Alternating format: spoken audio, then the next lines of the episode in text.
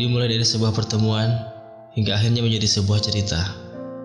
Gadis yang belum pernah aku lihat sebelumnya. Namaku Arvin. Saat ini aku duduk di kelas 2 SMA.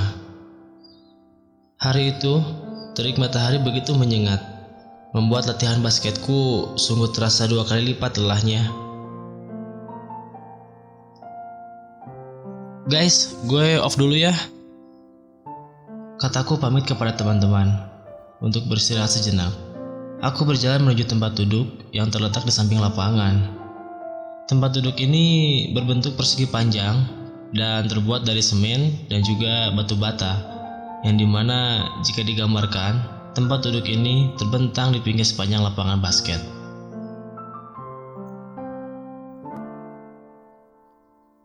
Dari sudut mataku, aku melihat seseorang yang tidak jauh dariku. Tepatnya seorang gadis. Duduk berjarak antara 2-3 meter dariku. Sesekali kulihat dan curi-curi pandang ke arahnya. Kulihat dia tertunduk sambil membaca novel.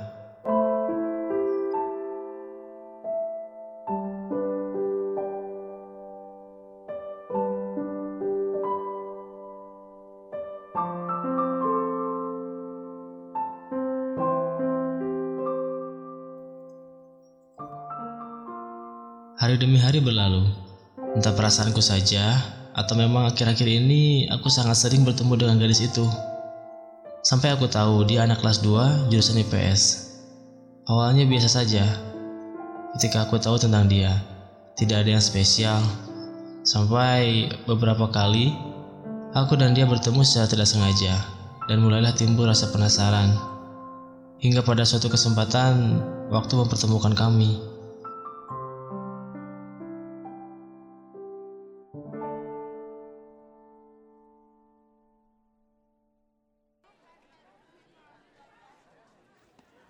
Hari itu aku pulang telat karena ada pelajaran tambahan. Ketika aku berjalan di parkiran, kulihat gadis itu tengah mengambil sepeda motornya. Dengan mengumpulkan keberanian, aku mencoba untuk menyapanya. Boleh aku bantu?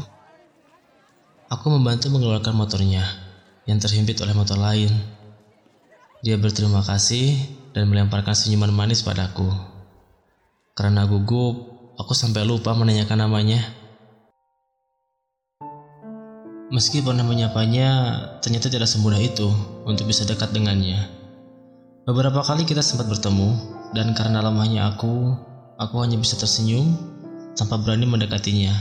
Dan karena itu juga, akhirnya teman-temanku tahu kalau aku sering memperhatikannya.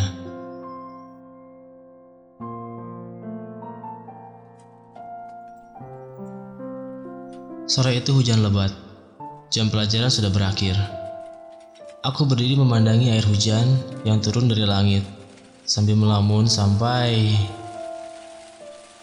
Gua duluan bro, keburu gede hujannya. Temanku menepuk pundakku. Aku hanya tersenyum menanggapinya. Posisi kelasku ini bangunannya paling depan dari kelas-kelas lain. Jika masuk dari pintu gerbang, kelas pertama yang terlihat itu kelasku.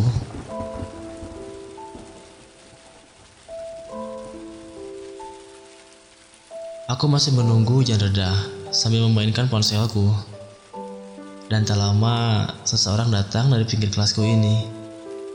Ternyata itu dia, gadis yang selama ini membuatku penasaran. Dengan rambut yang terurai sedikit basah. Mata kami saling memandang saat itu. Aku hanya bisa tersenyum dan dia menanggapinya. Kami menunggu hujan reda karena untuk sampai parkiran kita harus berjalan di area yang terbuka, sehingga pasti akan basah kuyup jika sekarang kita pergi.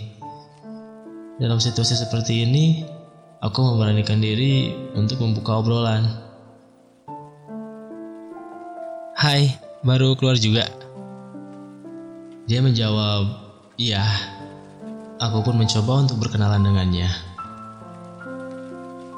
Oh iya, kita kan sempat ketemu, tapi belum sempat kenalan. Kenalin, aku Arvin.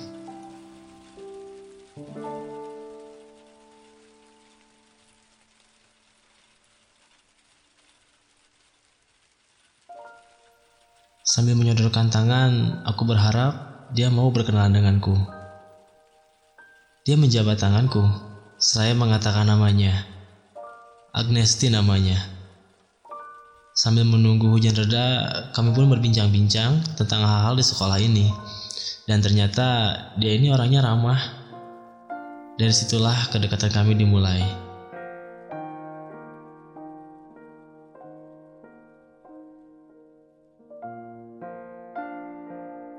Meskipun kita telah berkenalan, tidak berubah keadaan. Aku masih canggung dan malu untuk mendekatinya. Sampai akhirnya, ketika kita bertemu, aku mencoba untuk mengakrabkan diri. Kulihat dia pun sepertinya sama. Aku mencoba membuat obrolan senyaman mungkin.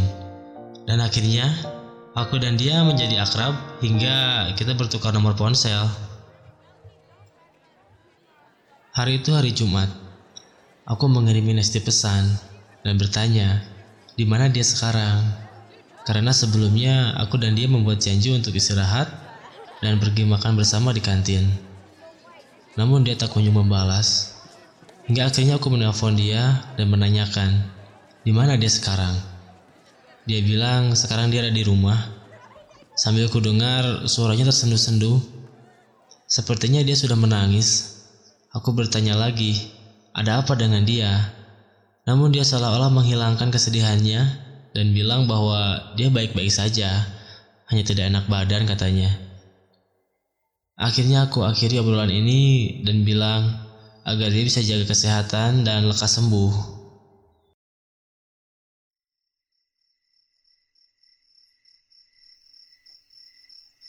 Malam itu langit mendung dan hanya suara serangga yang terdengar. Aku yang sibuk dengan pekerjaan rumah dikejutkan dengan suara ponselku yang berbunyi.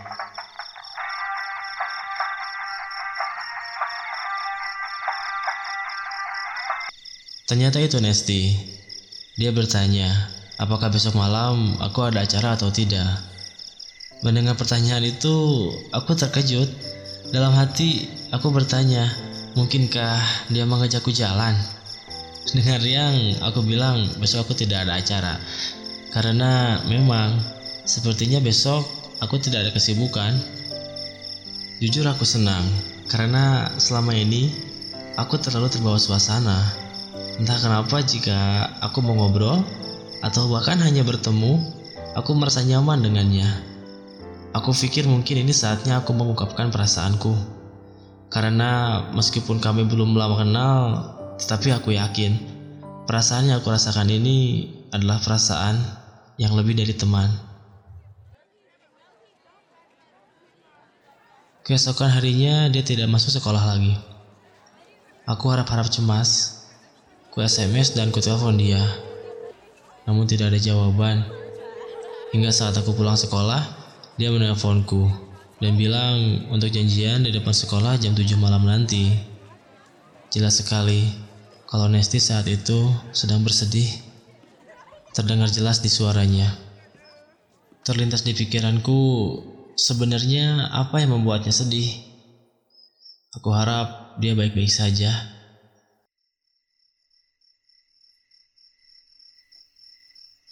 Sekarang pukul 7.30 malam. Namun Nesti belum juga mengabariku. Aku yang menunggu sambil memandangi ponselku di atas meja, hanya terduduk dan terdiam. Karena persiapanku sudah selesai, tinggal menunggu kabar darinya. Hingga setelah beberapa lama menunggu, akhirnya Nesti meneleponku dan dia bilang untuk bertemu di tempat yang sudah kita janjikan. Tanpa berlama-lama, aku pergi dengan motorku menuju sekolah. Sesampainya di sana, aku lihat Nesti sudah menungguku. Aku berhenti dan menyapanya. Mungkin kali pertama aku melihat Nesti tanpa seragam. Dia terlihat berbeda. Rambut yang diurai lurus, serta poni yang menutupi keningnya. Tak luput dari pandanganku, celana jeans serta sweater merah muda yang dikenakannya. Sungguh, aku kagum melihatnya.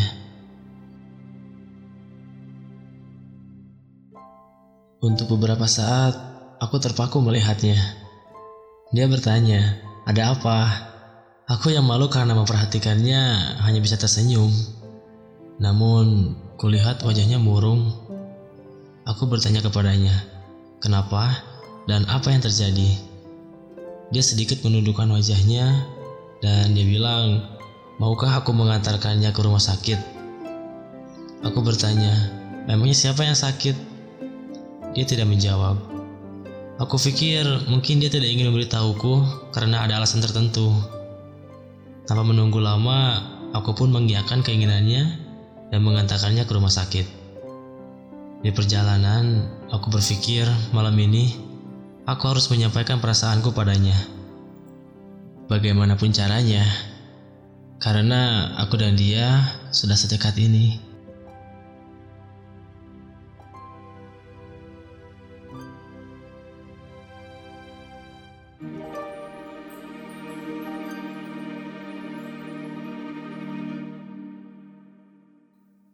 Sesampainya kami di rumah sakit, kami pun masuk dan berjalan di lorong rumah sakit. Suasana khas rumah sakit di malam hari. Suara langkah sepatu perawat bergema di lorong ini. Sesekali kulihat beberapa orang tengah duduk di kursi sepanjang lorong yang menunggu kerabat atau keluarganya. Hingga tiba-tiba Nesti berhenti dan melihat ke arah salah satu kamar yang jaraknya tidak jauh dari kami. Kulihat ada seseorang yang keluar dari salah satu kamar itu. Seorang gadis. Dia keluar kamar dan pergi dari kamar itu. Aku bertanya, kenapa berhenti tiba-tiba? Namun, Lesti tidak menjawab dan hanya memandangi gadis yang keluar dari kamar itu. Setelah gadis itu pergi, kami pun lanjut berjalan. Hingga sampai di depan kamar itu, Nesti memintaku untuk menunggu di luar. Mau tak mau, aku menurutinya dan duduk di kursi yang ada di samping ruangan itu.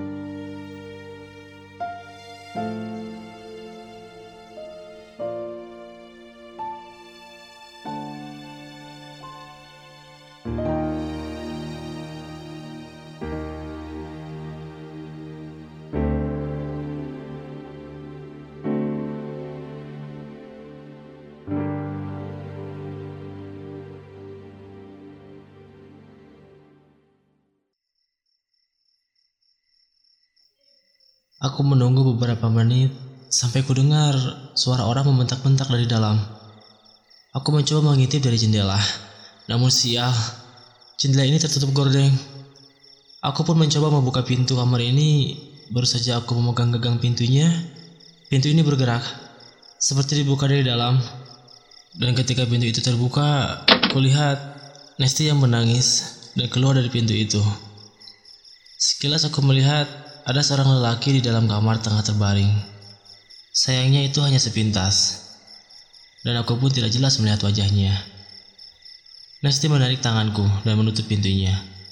Aku yang bingung hanya mengikuti Nesti yang saat ini telah menggandeng tanganku menjauh dari kamar itu. Hingga akhirnya kami pun duduk di kursi yang agak jauh dari kamar itu.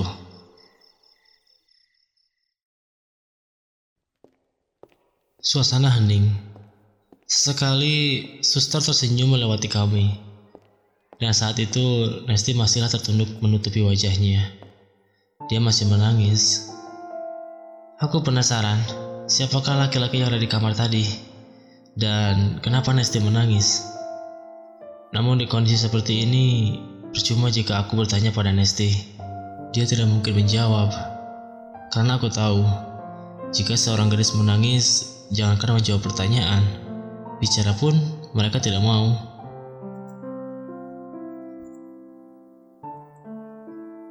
Setelah tenang, Nesti meminta maaf atas kejadian ini. Dia merasa merepotkanku. Aku hanya tersenyum dan bertanya, ada apa sebenarnya? Dia menarik nafas panjang.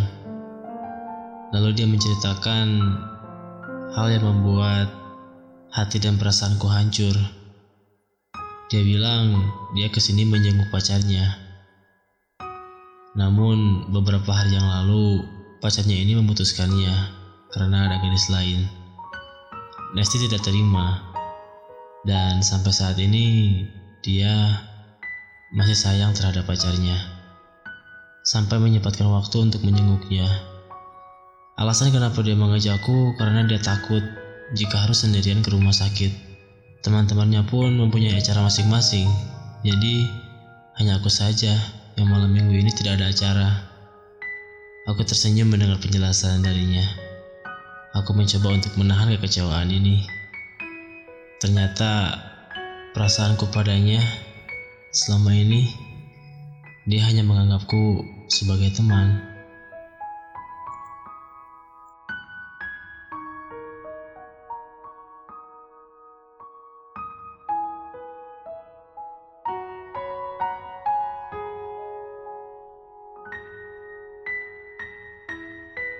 Setelah kejadian itu, aku berpikir untuk melupakan semua rasa ini.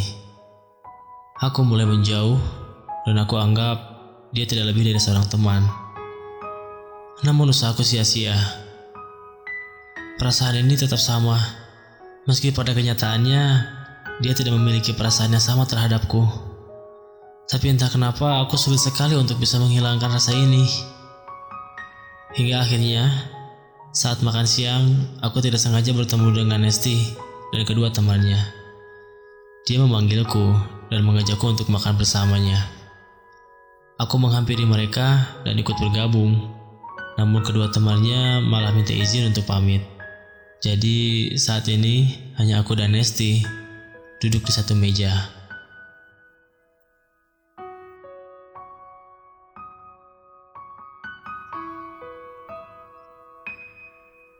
Kenapa Nes, kok murung gitu? Pasti kamu masih mikirin cowok kamu itu ya? Tanyaku. Dia hanya menggelengkan kepala dan tersenyum. Malah dia menyuruhku untuk memesan makanan. Jujur, aku tidak bisa jauh darinya. Meskipun aku tahu hatinya saat ini bukanlah untukku. Tapi jika aku melihat dia sedih, aku tidak sanggup. Aku mencoba menghibur dia dengan candaan dan obrolan. Syukurlah, dia mulai kembali ceria lagi.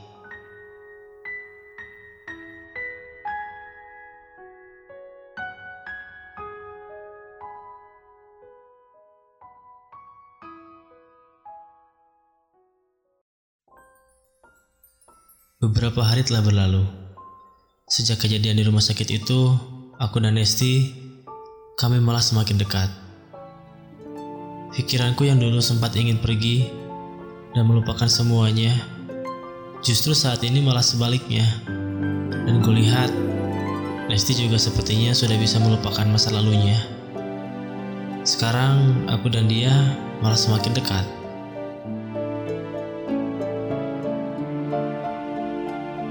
Siang itu aku beristirahat karena lelah telah bermain basket.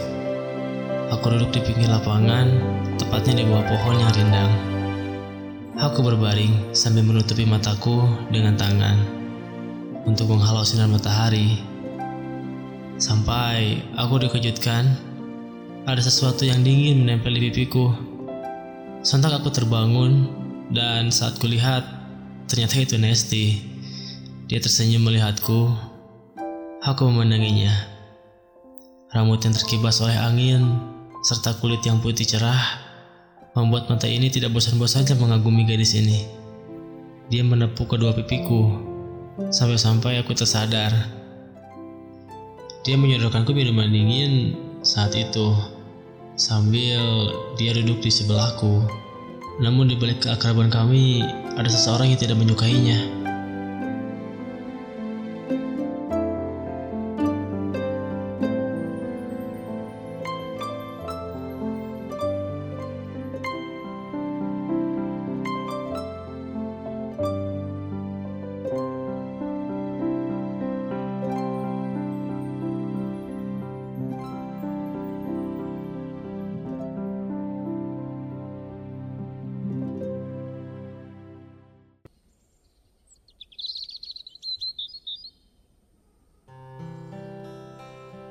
Kicauan burung membangunkanku. Pagi itu aku lihat matahari sudah tinggi. Hari ini hari libur, jadi aku bisa bersantai tanpa harus bergesa-gesa berangkat ke sekolah. Aku bangun dari tempat tidur sambil kubuka mataku dan berjalan ke kamar mandi.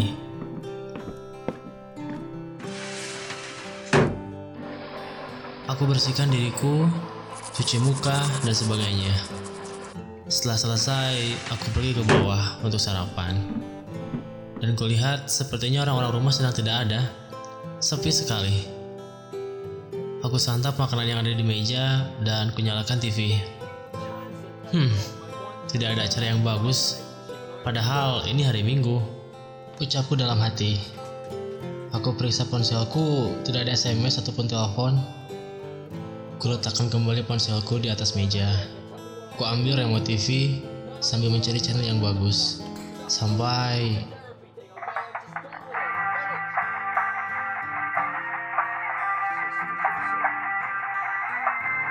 Ponselku berbunyi. Kulihat ada nomor asing yang menghubungiku. Halo, ini siapa? Kataku. Beberapa saat hanya terdengar noise tanpa ada suara. Sampai beberapa kali aku panggil, tetap tidak ada suara. Namun saat hendak aku matikan, terdengar suara seorang wanita. Dia memanggil namaku. Aku teruskan mendengarkan dia berbicara. Dia bilang, apakah aku sudah lupa dengannya? Aku bertanya kembali, dia ini siapa? Perempuan ini hanya tertawa. Sambil dia berkata, masa sudah lupa? Lama-kelamaan aku kesal. Aku bilang, kalau dia tidak ada urusan atau cuma wiseng, aku matikan. Dia berhenti tertawa dan meminta maaf.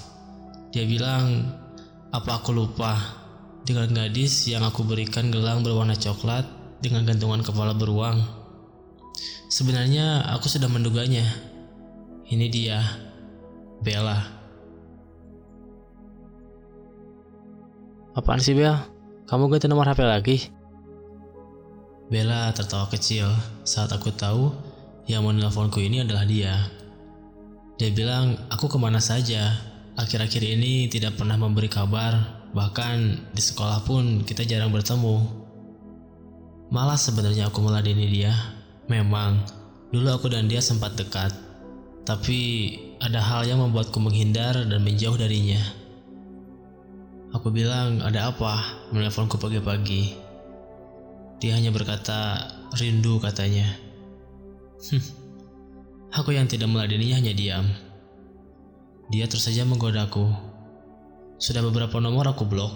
Tetap saja, dia ganti nomornya dengan yang baru. Namun memang akhir-akhir ini kami tidak pernah bertemu. Dia berkata dia akan datang ke rumahku hari ini. Jelas aku menolak, karena saat ini di rumah tidak ada siapa-siapa. Juga untuk apa dia datang? Aku tidak mau direpotkan olehnya. Dia bersikeras ingin datang. Aku bilang aku ada acara hari ini, jadi aku tidak ada di rumah. Karena memang hari libur ini hari di mana aku latihan band bersama teman-temanku. Tidak menyerah, dia bilang dia ingin ikut. Ah, sudahlah, aku matikan saja ponselku.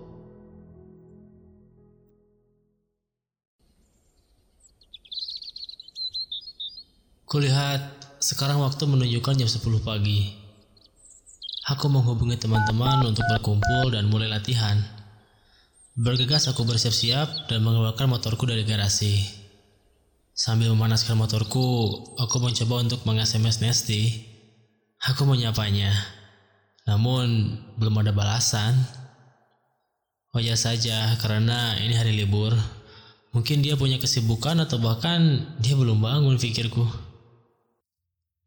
Setelah beberapa lama, akhirnya aku berangkat ke studio, tempat kita berlatih. Di sana sudah ada beberapa temanku yang menunggu, tinggal menunggu satu personil lagi yang belum datang. Hingga beberapa menit menunggu, dari kejauhan aku lihat dia datang tapi dia membonceng seseorang. Kupikir itu pacarnya. Semakin dekat dia datang, semakin jelas kalau gadis yang diboncengnya itu itu Bella. Kesal memang rasanya. Aku sudah tidak mau ada kontak lagi dengan gadis ini. Temanku ini namanya Firman. Bella turun dari motor. dan dia menyapa teman-temanku juga, termasuk aku. Dia bilang, kenapa tadi telepon dimatikan? Dengan malas, aku tidak menjawab dan berusaha mengabaikannya. Setelah semuanya berkumpul, akhirnya kami pun masuk ke studio dan mulai berlatih.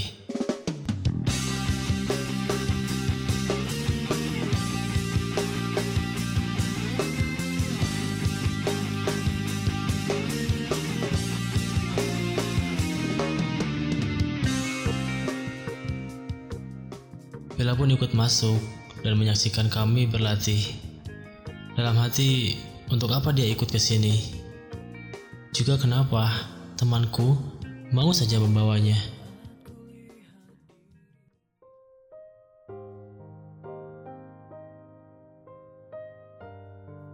Akhirnya setelah kami selesai, kami pun keluar dan beristirahat sejenak di depan studio terdapat sofa yang diperuntukkan untuk orang-orang yang telah bermain di studio ini untuk sekedar beristirahat atau menunggu sip selanjutnya.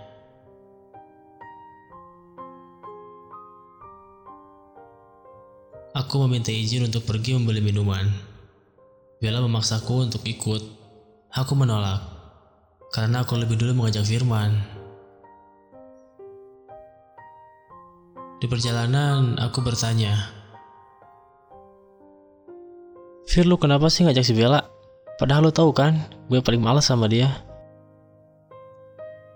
Dia bilang kalau Bella ke rumahnya pas tadi dia mau berangkat. Karena rumah mereka memang berdekatan. Dan Bella juga tahu kalau Firman ini salah satu dari personil bandku. Apa boleh buat jika sudah seperti ini? Akhirnya aku membeli beberapa minuman dan kembali ke studio. Kulihat Bella mengobrol bersama teman-temanku. Memang dia sudah tidak canggung lagi bersama kami. Pasalnya, dulu saat kami dekat, dia selalu ikut jika aku berlatih.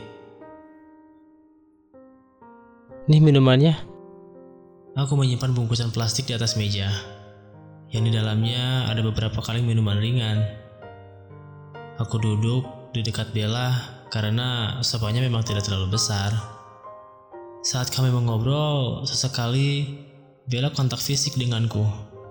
Dari mulai dia bersandar-sandar, lalu memegang tanganku. Namun, aku menghiraukannya.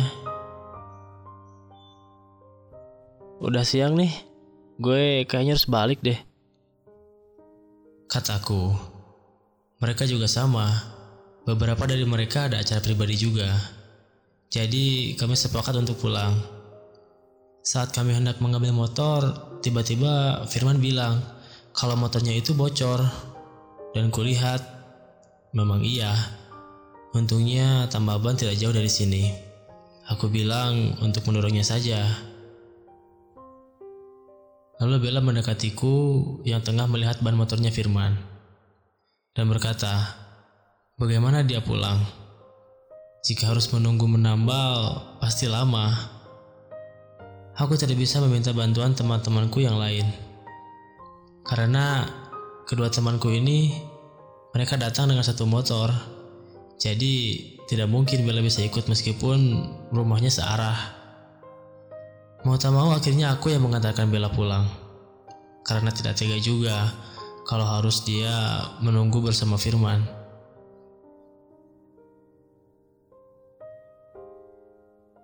Di perjalanan Aku menuju rumah Bella. Dia henti-hentinya menggodaku. Aku tidak menggubrisnya dan sesekali menyuruhnya untuk diam. Hingga tak lama dia menyuruhku untuk berhenti. Aku bertanya, kenapa mau berhenti di sini? Rumah dia kan masih jauh. Dia bilang dia ingin ke toilet. Hmm, Mau tak mau, akhirnya aku hentikan motorku di dekat taman yang ada toiletnya. Dia turun dan lekas pergi ke toilet. Aku injak stana motorku dan pergi ke bangku yang tidak jauh dari motorku ini. Kulihat ada beberapa orang yang sedang olahraga atau hanya sekedar bersantai di taman ini. Dan tak lama Bella kembali. Udah, ayo pulang. Aku berdiri dan hendak kembali ke motorku. Namun Bella memegang tanganku dan menyuruhku untuk duduk kembali. Dia bertanya dengan wajah yang serius, "Ada apa denganku?" Aku tidak menjawab pertanyaannya. Dia memegang tanganku lagi. Dia bilang, "Jangan seperti ini." Dia ingin aku memberi alasan kenapa aku berubah dan apa yang telah dia perbuat. Udahlah Bel, gak usah ngebahas ini. Aku udah nyaman kayak gini sekarang. Saat aku bilang seperti itu, dia diam. Dulu, saat kami masih dekat, aku dan Bella sudah seperti pacar. Namun kami tidak pernah mengungkapkan perasaan itu. Karena aku berpikir, tanpa aku bilang pun, mungkin dia sudah tahu perasaanku padanya seperti apa. Dari mulai panggilan sayang, serta waktu yang aku berikan padanya, itu semua sudah menjadi sebuah bukti bahwa aku dan dia, meski kami tidak mengungkapkan perasaan satu sama lain, tapi itu semua sudah mewakili perasaan dan hubungan kami. Aku menyukainya karena Bella adalah gadis periang. Dia selalu ceria dan selalu membuatku nyaman.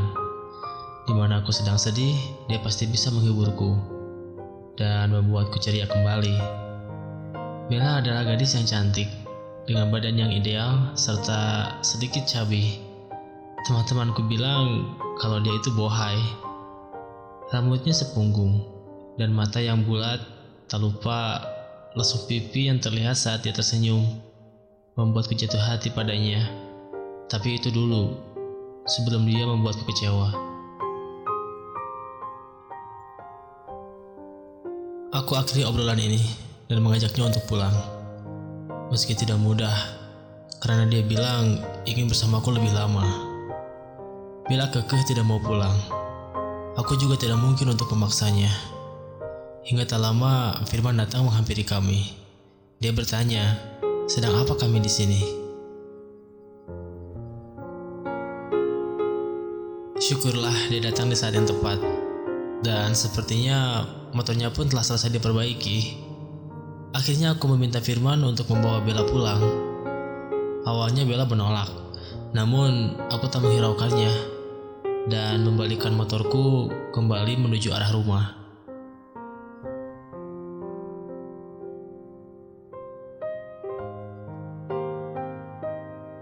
Sesampainya di rumah, kulihat jam menunjukkan pukul 2 sore. Aku pergi ke halaman belakang untuk sekedar bersantai. Di belakang rumahku ini terdapat danau yang lumayan besar, serta ada beberapa pohon bambu yang jika di siang hari tempat ini sungguh nyaman untuk beristirahat atau hanya sekedar cari angin.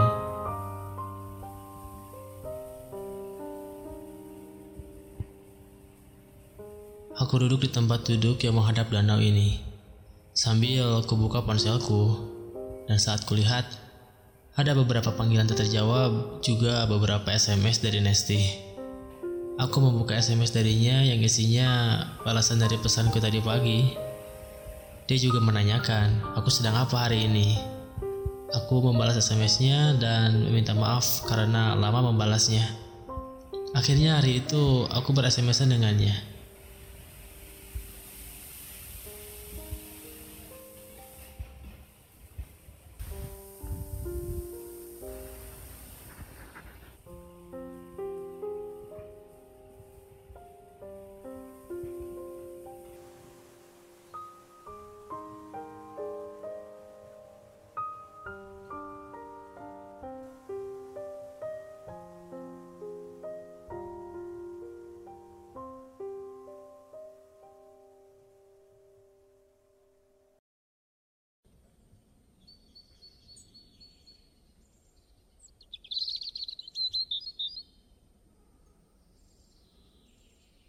Keesokan harinya seperti hari-hari biasa.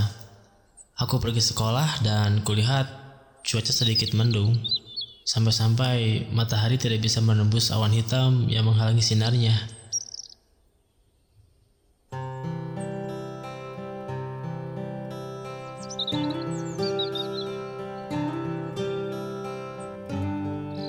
Kuparkirkan motorku dan kupasang earphone sambil berjalan menuju kelas. Aku melihat sekitar sekolah masih agak sepi Mungkin karena cuaca ini membuat yang lain agak malas untuk bangun pagi. Padahal kulihat saat ini waktu menunjukkan jam setengah tujuh pagi.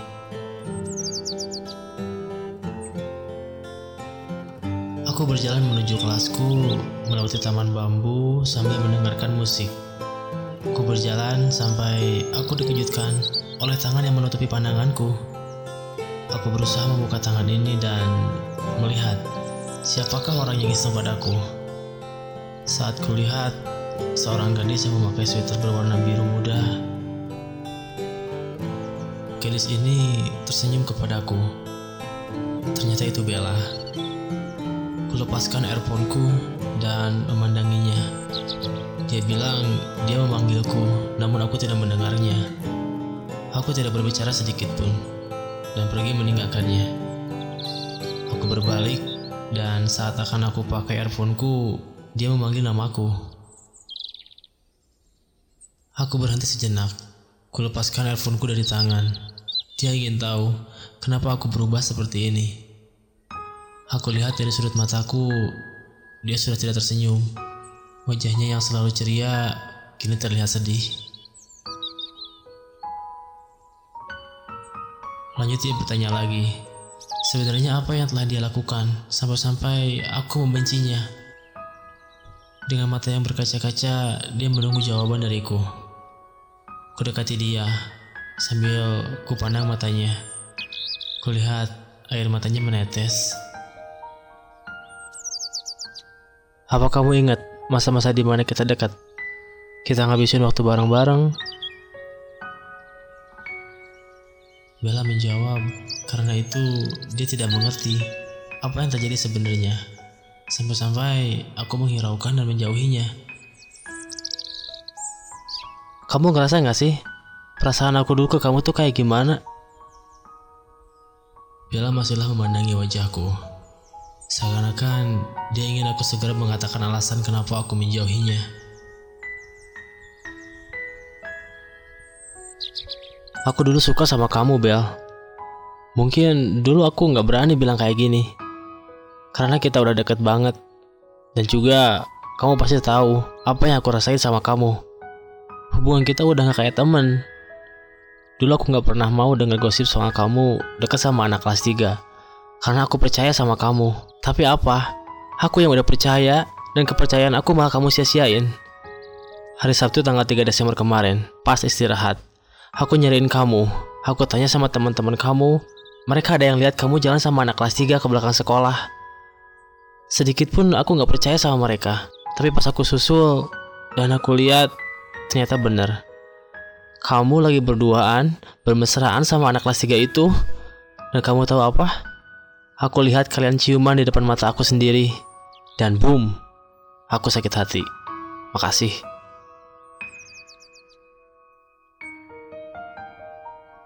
Sambil aku berbalik dan berjalan meninggalkan Bella. Itulah alasannya kenapa aku menghindar dan menjauh darinya. Aku sangat kecewa padanya. Aku menoleh ke arahnya dan dia tersenyum.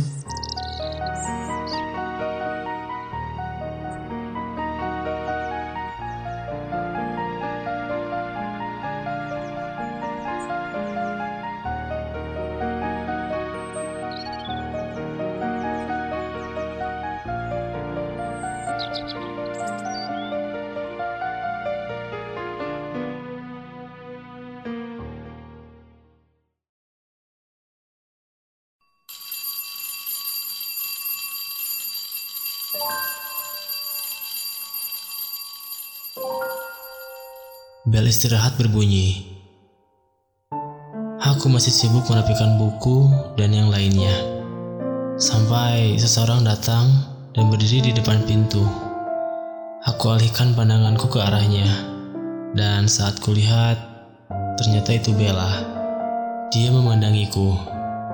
Tak lama, dia berjalan menghampiriku dan memegang tanganku. Dia bilang dia minta maaf karena sudah membuat aku kecewa. Aku pandang wajahnya dan ku bilang, tidak usah dibahas lagi. Dia tetap saja meminta maaf. Dan dia bilang untuk aku tidak berubah seperti ini. Dia ingin aku menjadi Alvin yang dulu. Aku udah maafin kamu kok. Tapi kalau aku sama kamu harus dekat kayak dulu lagi, maaf, aku nggak bisa. Ucapku. Dia malah tersenyum dan bilang, apa itu karena Nesti? Aku bilang, kenapa dia menyebut nama Nesti? Kenapa kamu bawa-bawa Nesti? Bella tersenyum sinis saat aku bertanya seperti itu. Dia bilang dia sudah tahu bahwa aku tengah dekat dengan Nesti. Aku tak menggubris omongannya dan beranjak pergi. Bella menahanku. Dia tidak terima jika aku memilih Nesti ketimbang dia. Karena menurut Bella, dialah yang lebih dulu mengenalku. Aku melepaskan pegangan Bella dari tanganku dan berbalik pergi. Namun Bella memelukku dari belakang. Dia bilang bahwa dia sayang padaku dan ingin mengulangi waktu-waktu dulu. Dia berjanji tidak akan mengulangi kesalahannya lagi.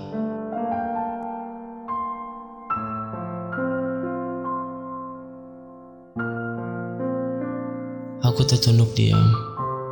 Dalam hati terdapat kupungkiri, kenangan itu masihlah membekas di hatiku ketika aku dekat dengannya, ketika kita menghabiskan waktu bersama.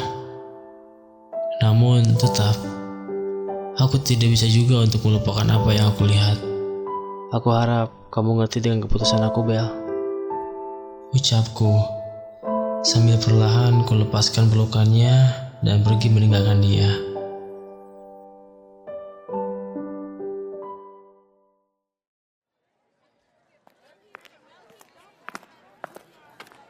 Aku berjalan menyusuri lorong ini.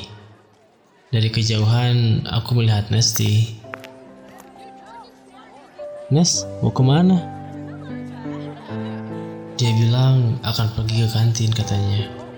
Aku pun mengajaknya untuk pergi bersama. Dia tidak menolak. Malah dia tersipu malu saat aku mengajaknya. Saat kami sampai di sana, aku bertanya, Nesti mau pesan apa? Kulihat kantin begitu penuh dan mengantri. Dia bilang samakan saja denganku. Lalu aku beranjak pergi untuk memesan makanan. Aku mengantri untuk beberapa menit karena ya antriannya memang lumayan panjang. Setelah aku mengantri dan dapat pesananku, aku pun kembali menuju Nesti. Namun saat aku kembali kulihat Bella tengah duduk bersama Nesti. Dia tersenyum padaku dan menyapaku. Ngapain kamu ke sini, Bel? Cetusku sambil duduk di samping Nesti. Kulihat Nesti hanya menunduk dan meminum minumannya. Aku mulai merasa tidak nyaman dengan kehadiran Bella di sini. Dia bilang dia ingin ikut bergabung bersama kami. Dan Nesti mengizinkannya. Aku tetap merasa risih hingga nafsu makanku hilang. Bella menceritakan kedekatan kami dulu kepada Nesti. Nesti menanggapinya. Sesekali Nesti memandangiku sambil mendengarkan Bella berbicara. Setelah lama mengobrol, Nesti meminta izin untuk pergi ke kamar mandi dan meninggalkan kami berdua. Apaan sih kamu, Bel? Maksudnya apa? Bella membuang muka sambil tersenyum. Dia bilang dia masih tidak rela jika aku harus bersama Nesti. Dia juga bilang dia tidak akan membiarkan aku dan Nesti bisa dekat, bagaimanapun caranya, dan mendekatkan wajahnya padaku, lalu pergi.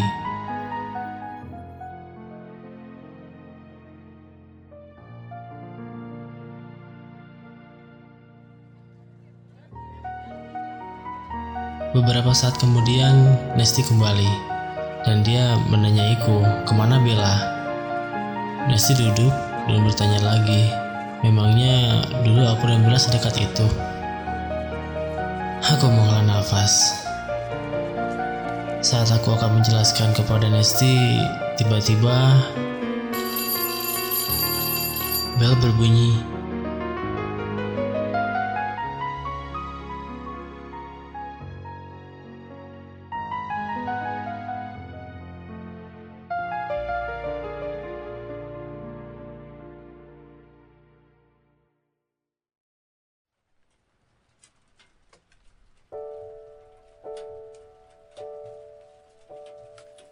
Nyalakan MP3 player dan mendengarkan lagu kesukaanku sambil duduk dan melihat air hujan yang turun dari jendela malam itu. Hingga tak lama ponselku berbunyi. Kulihat itu Nesti. Ku angkat dan dia bertanya, apakah aku sedang sibuk atau tidak. Takutnya mengganggu katanya. Hmm, walaupun aku sibuk, pasti akan kuluangkan waktu buat dia, pikirku. Akhirnya kami mengobrol. Aku menceritakan masa lalu aku dengan Bella.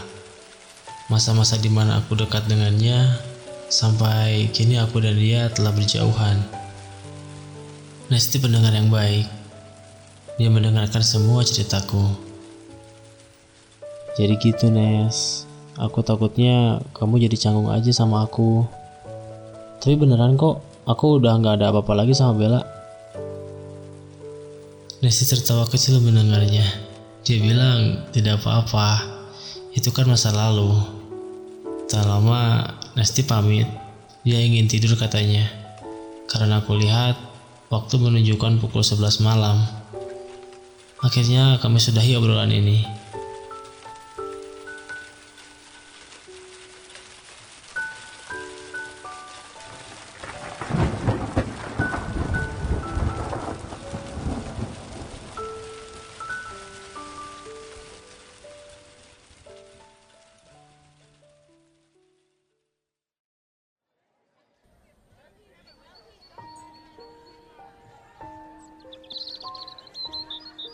Keesokan harinya, tak sengaja, aku dan Nesti bertemu di koridor menuju kelas. Dia tersenyum dan mengucapkan selamat pagi, dan kami pun mengobrol kecil sambil berjalan. Nes malam minggu ini ada acara nggak? Aku memberanikan diri menanyakan itu. Kulihat Nesti pun sedikit terkejut. Dia bilang sepertinya tidak, dan bertanya, memangnya kenapa? Mau nggak kalau nanti malam kita jalan? Hitung-hitung refreshing gitu. Jawabku sambil aku pun salah tingkah mengatakan itu. Saat aku tanyakan seperti itu, dia tidak menjawab, malah dia hanya tersenyum. Tenang, aku nggak akan ajak kamu ke rumah sakit kok. Aku meledek Nesti. Mendengar itu, dia mencubit tanganku. Aku hanya merengi kesakitan dan memintanya untuk berhenti mencubitku. Kulihat pipinya memerah karena malu. Lantas dia menjawab ajakanku dengan mengangguk saja. Aku bilang nanti aku jemput jam 7 malam. Akhirnya aku berani juga untuk mengajaknya jalan. Tapi sebelumnya aku bingung akan aku ajak ke mana dia nanti malam.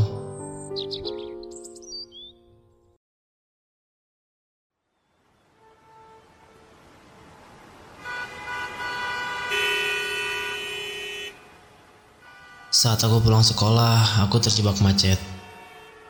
Laju kendaraan begitu pelan. Panasnya matahari begitu terik. Sampai-sampai aku berkeringat. Kesal memang, tapi mau bagaimana lagi? Jika aku berbalik pun dan mencari jalan alternatif, percuma. Karena kondisi jalan ini begitu padat. Perlahan kendaraan mulai bergerak. Dan setelah beberapa saat terjebak, aku melihat sumber macet ini. Ternyata di depan sana ada sebuah pameran pasar malam. Pantas saja macet. Kulihat pameran itu begitu ramai. Di sampingku kini terlihat wahana kincir angin yang begitu besar. Terpintas di pikiranku untuk mengajak Nesti ke sini saja nanti malam. Aku hanya tersenyum-senyum sendiri memikirkan itu. Akhirnya aku sampai rumah. Kulihat ada motor yang tengah parkir di halaman rumahku. Saat aku mendekatinya, ternyata itu motor milik Bella. Aku membuka pintu dan masuk. Bella tengah duduk bersama ibuku di ruang tamu. Ada apa kamu ke sini? Tanyaku. Dia hanya tersenyum dan ibuku bilang dia menungguku dari tadi. Memang Bella sudah tidak asing lagi, terhadap keluargaku. Itulah alasannya mengapa dulu perasaanku kepada Bella sudah melebihi perasaan sebagai teman. Asalnya ibuku juga sudah menganggapnya sebagai keluarga. Meskipun begitu, ibuku tidak tahu jika saat ini aku dan Bella sudah tidak seperti dulu lagi. Karena tak enak dengan orang tuaku, aku menemani Bella duduk sebentar. Dan tak lama aku meminta izin untuk pergi ke kamarku untuk mengganti baju. Setelah beberapa saat, aku turun dari kamar, kulihat ibuku sudah tidak ada. Bella masihlah di sana. Aku turun dan duduk di kursi yang ada di depan Bella. Aku tanyai dia, ada urusan apa dia ke sini? Dia bilang hanya ingin main saja. Aku tahu itu hanya alasannya saja. Aku tak menghiraukannya. Kumainkan ponselku tanpa menanggapinya. Lalu dia merebut ponselku. Bella, apaan sih? Sini balikin. Dia menyembunyikan ponselku di belakang badannya. Dia bilang itu hukumannya kalau diajak bicara tidak menanggapinya. Bella balikin nggak? Bella, sini balikin ih. Aku mendekatinya dan berusaha mengambil ponselku. Bella malah terus saja memegangnya. Aku kelitiki saja dia, karena aku tahu kalau Bella tidak tahan jika dikelitiki. Dia meronta-ronta sambil berusaha menjauhkan ponselku. Tak sengaja Bella menendang kakiku. Aku pun kehilangan keseimbangan dan aku terjatuh menindih Bella yang saat itu tengah terbaring di sofa. Ketika itu wajah kami saling berhadapan, mata kami saling bertatapan. Tercium aroma wangi tubuh Bella saat ini. Ya, parfum yang sama seperti dulu. Perlahan, Bella menempelkan ponselku di pipiku sambil berkata dia sayang padaku. Dan perlahan menutup matanya. Bibirnya mendekati bibirku sampai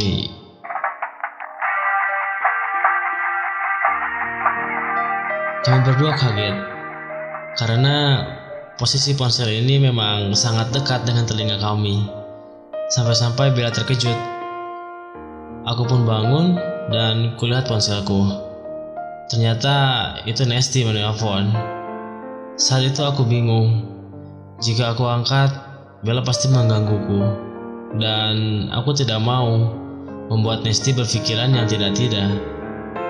Akhirnya aku tahan panggilannya. Dan aku kantongi ponselku. Bella bertanya, siapa itu? Aku bilang bukan siapa-siapa, hanya alarm kataku. Sambil aku membenahi bajuku saat itu. Apaan? Kamu liatin apa? Sambil tersenyum, Bella menatapku tajam. Dan tiba-tiba dia menarik bajuku. Lalu Bella menciumku. Aku yang saat itu terkejut untuk sesaat hanya terdiam dan masih belum mengerti apa yang Bella lakukan padaku. Bella melepaskan bibirnya dari bibirku sambil berkata untuk tidak melupakan ini. Lanjut dia berdiri dan pergi ke dapur menemui ibuku. Aku masih terduduk di sofa.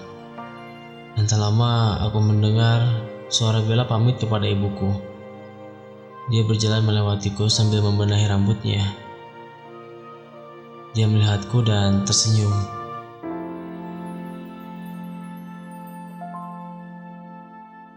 Setelah Bella pergi, aku telepon Nesti.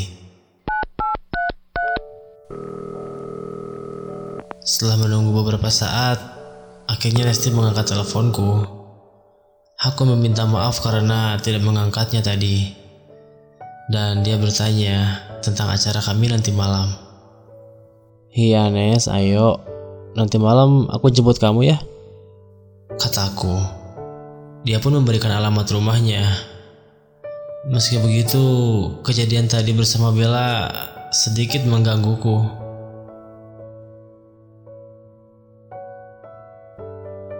Malam pun tiba. Saat ini aku tengah di perjalanan menuju rumah Nesti. Dan setelah aku sampai, aku disuruh masuk olehnya. Dan bilang kepada ibunya kalau kita malam ini akan jalan. Ibunya hanya berpesan untuk hati-hati dan jangan pulang terlalu malam. Akhirnya kami pun pamit dan berangkat pergi.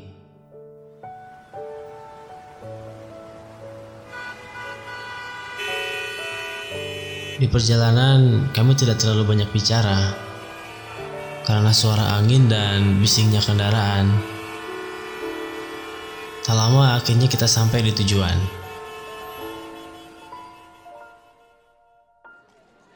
Kulihat Nesti memandangi sekitarnya.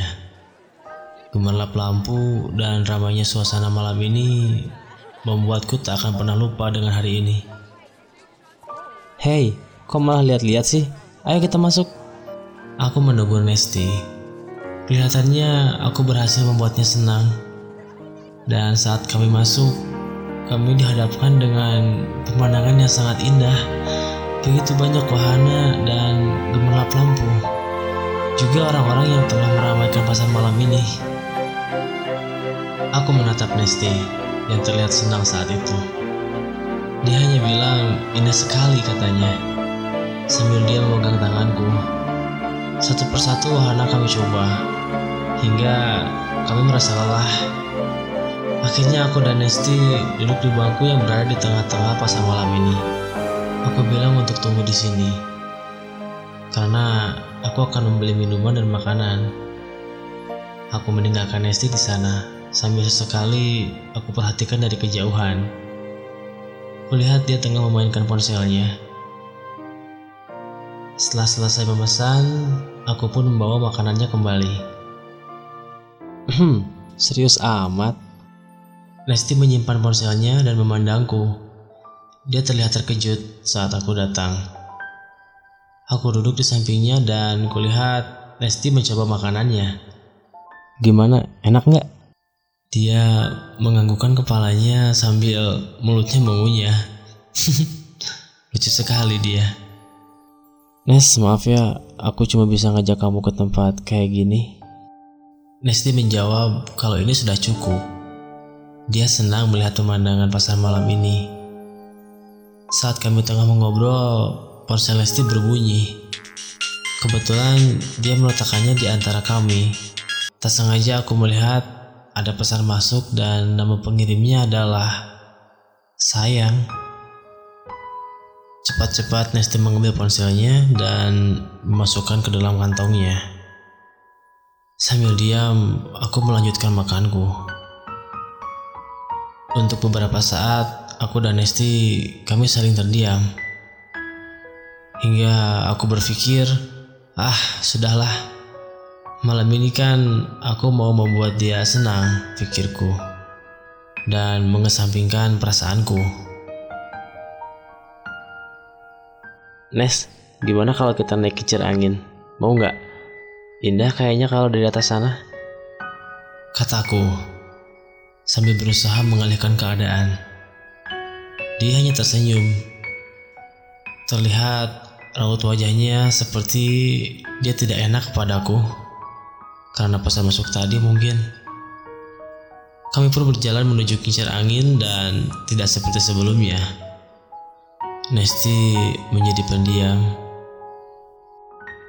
Kenapa? Kamu gak mau naik? Tanyaku.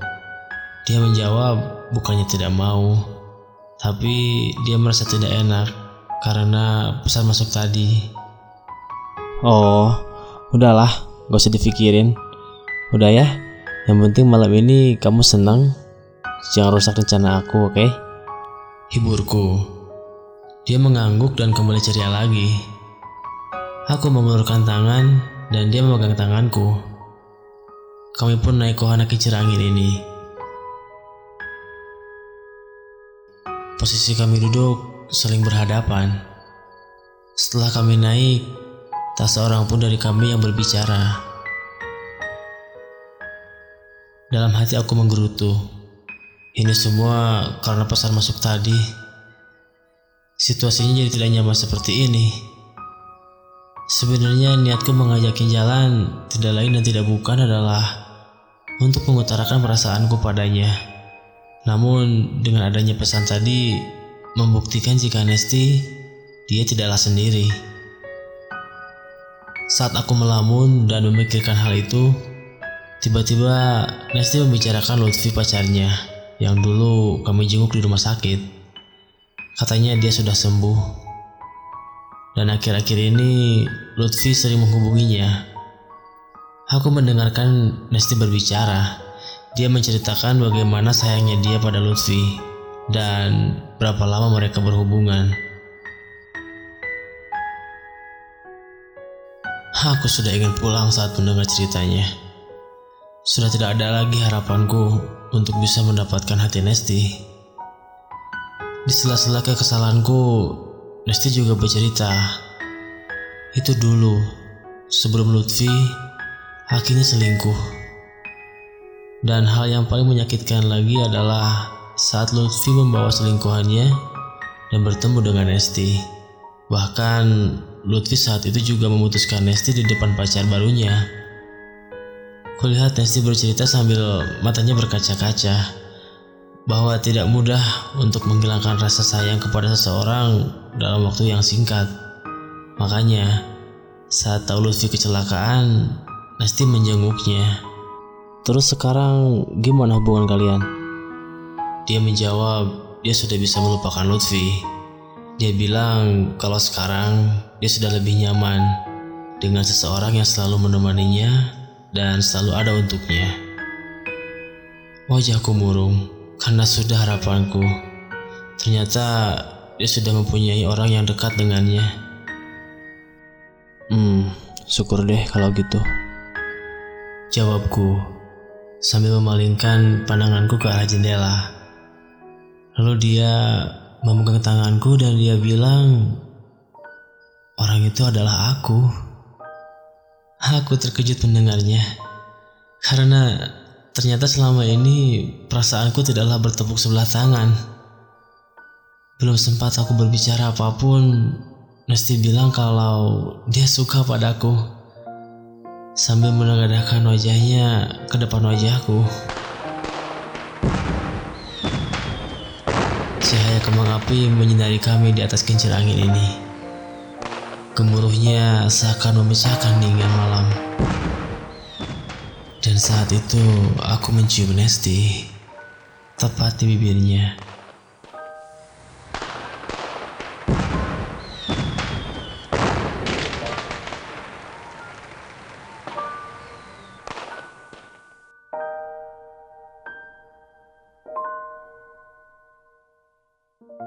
Tak terasa waktu sudah larut malam. Aku mengantarkan Nesti pulang sambil di perjalanan dia memelukku. Aku sangat senang. Kulihat dari spion motorku, dia tersenyum. Sesampainya aku di rumah Nesti, dia turun dari motorku dan bilang terima kasih untuk malam ini. Dia sangat senang. Jujur, aku pun sama karena sekarang aku dan dia sudah resmi berpacaran. Akhirnya aku pamit dan membelokkan motorku. Dia bilang untuk hati-hati karena ini sudah malam. Dan dia bilang seperti itu padaku dengan panggilan sayang.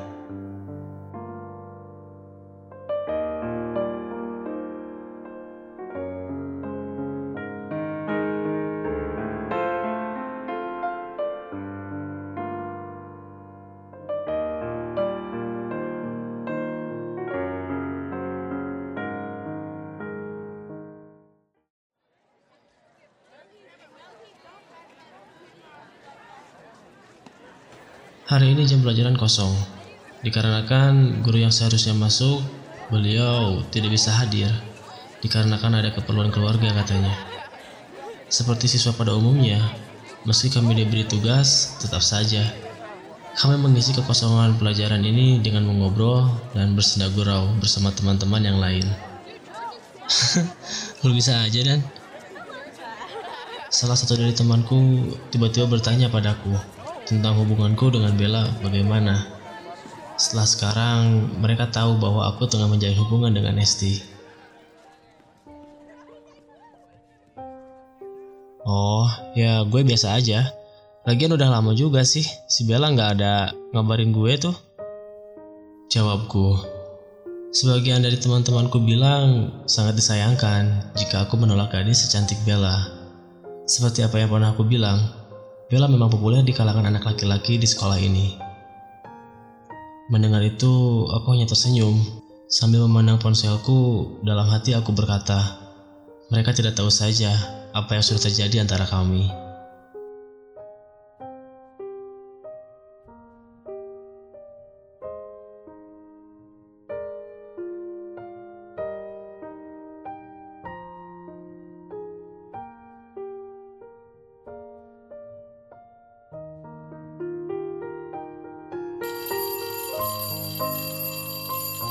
Jam istirahat pun tiba.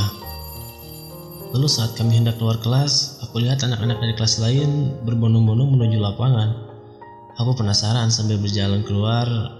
Tidak sengaja aku bertemu Nesti dan teman-temannya. Dia tersenyum padaku dan menghampiriku. Ada apa sih? Kok pada pergi ke lapangan? Tanyaku padanya. Nesti menjawab kalau ada pengumuman untuk acara akhir semester ini. Lalu dia balik bertanya, Memangnya guru yang masuk hari ini tidak memberitahu? Aku menjawab, Oh gitu. Enggak, soalnya Pak Antonya nggak masuk. Katanya sih ada urusan. Tak lama, teman-teman Nesti memanggil Nesti. Dan Nesti pun pamit untuk pergi duluan sambil melambaikan tangannya, dia tersenyum padaku.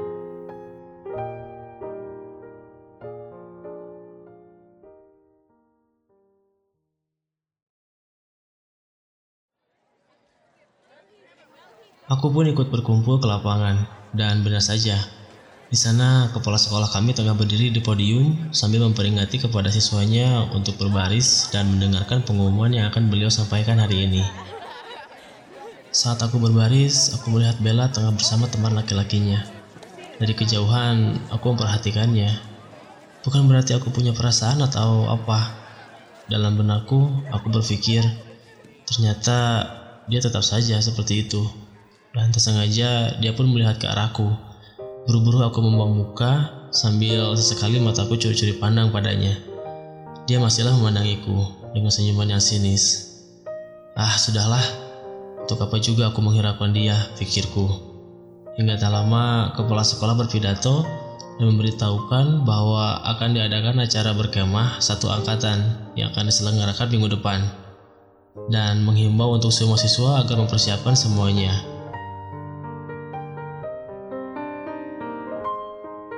Akhirnya pengumuman pun selesai dan kami semua kembali ke kelas masing-masing.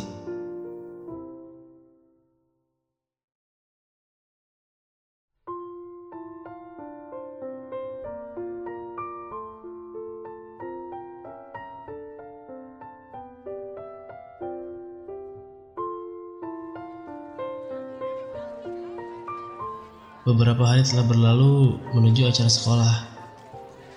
Jam pelajaran telah usai. Aku membereskan buku dan bersiap untuk pulang. Teman-teman yang lain sudah duluan keluar kelas, sampai salah seorang teman perempuanku memanggilku. Dia bilang ada Nesti di depan kelas, sambil mereka menggodaku. Aku hanya tersenyum menanggapinya. Setelah semuanya selesai, aku keluar dan benar saja, Nesti menungguku. Hmm, maaf ya lama. Nesti hanya tersenyum kami pun berjalan bersama menuju parkiran. Nes, gimana? Udah nyiapin perlengkapan buat acara nanti? Ini tinggal beberapa hari lagi loh. Dia menjawab, sudah sebagian, tapi masih ada beberapa barang yang belum dia beli. Nesti pun mengajakku untuk membeli beberapa perlengkapan yang dia butuhkan. Dengan senang hati, aku mengiyakan ajakannya. Akhirnya, kami membuat janji untuk pergi ke toko perlengkapan berkemah nanti sore.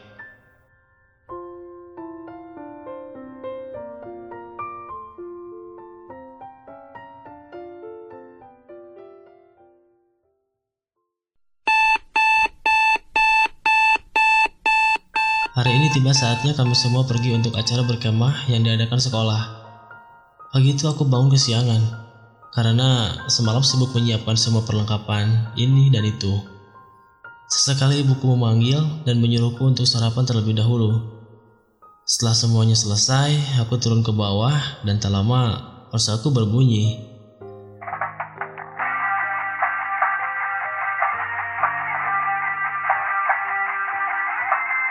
Ternyata itu temanku. Dia bertanya, apakah aku sudah berangkat? Aku bilang, aku masih di rumah. Lanjut, dia meminta untuk pergi bersama, karena dia juga kesiangan. Kebetulan dia diantar menggunakan mobil. Dia juga bilang sebentar lagi akan melewati rumahku. Dia minta untuk aku bersiap, karena kita sudah tidak punya banyak waktu. Bergegas aku berpamitan kepada orang tuaku dan mengambil sarapan roti di meja. Benar saja, Temanku tidak lama sampai di depan rumah dan kami pun berangkat bersama.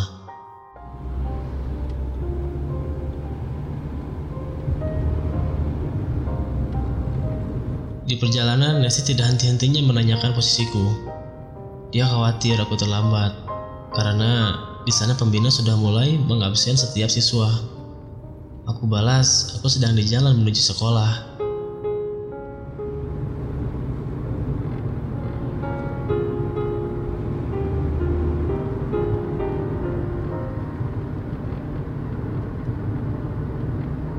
Akhirnya kami sampai. Kami berlari menuju lapangan dengan membawa ransel dan semua perlengkapan. Syukurlah, saat kami sampai, pembina belum mengabsen kelas kami. Untung banget kita nggak telat ya.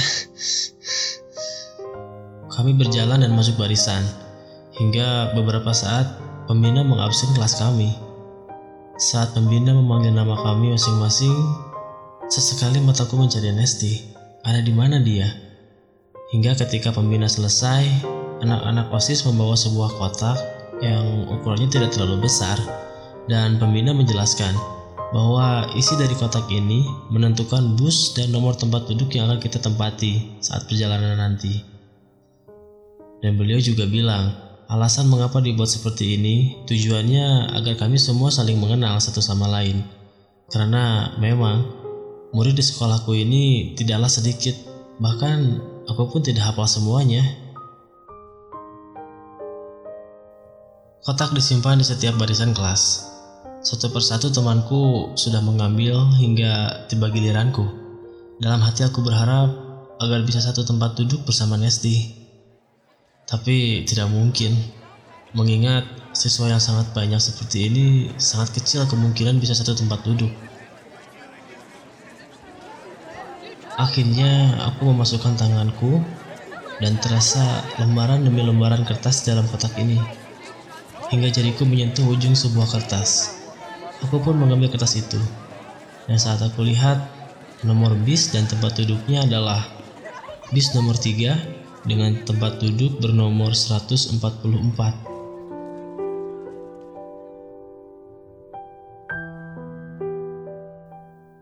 Aku berjalan menuju antrian bis nomor 3, sambil aku berharap ada Nesti di sana. Namun saat aku perhatikan, Nesti tidak ada di sini. Kami pun masuk ke dalam bis dan duduk di nomor urut yang kami dapatkan. Aku mendapat tempat duduk di belakang karena bus ini berkapasitas tempat duduknya hanya 50 kursi.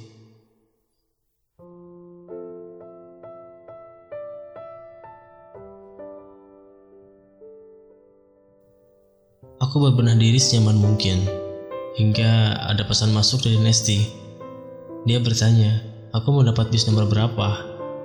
Aku bilang saja, aku dapat bis nomor tiga. Belum sempat Nesti membalas, baterai ponselku habis karena semalam aku lupa cas. Aku bersiap untuk berangkat, meskipun tidak sesuai harapan. Aku nyalakan negatif player dan memasang earphone. Aku baru sadar, tempat duduk di sebelahku masihlah kosong. Aku menghiraukannya dan memejamkan mataku. Karena jujur, aku masih mengantuk pagi itu.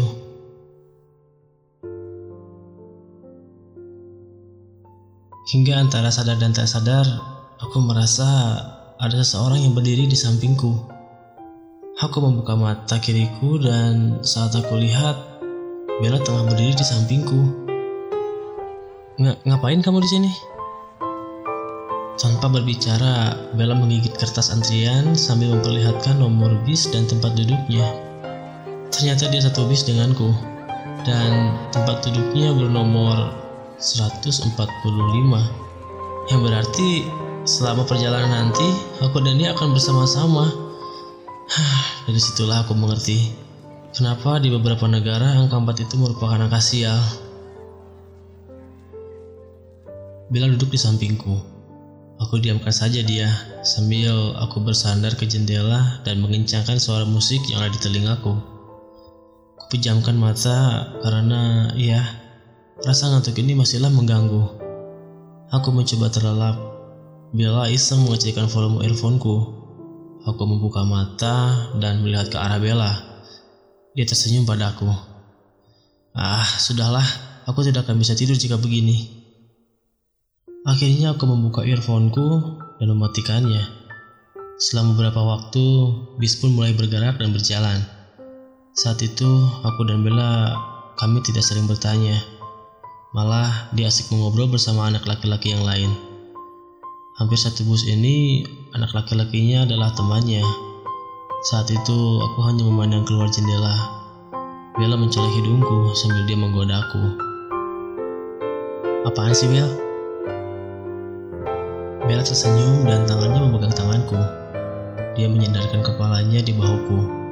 Sambil dia bilang, kapan kita pergi bersama seperti ini terakhir kali?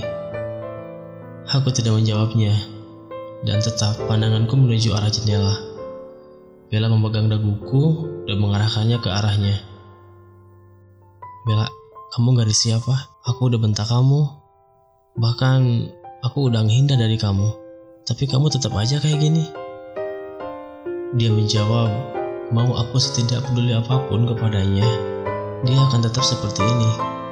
Karena dia merasa kalau aku adalah Alvin yang dulu, yang pernah dekat dengannya. Aku hanya bisa menghela nafas.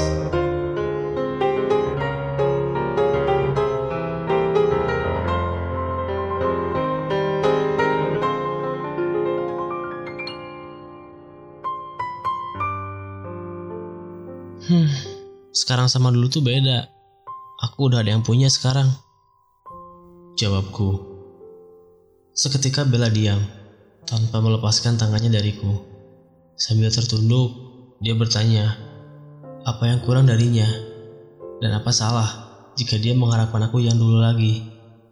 Bella udah deh, ini bukan waktunya buat ngomongin masalah itu.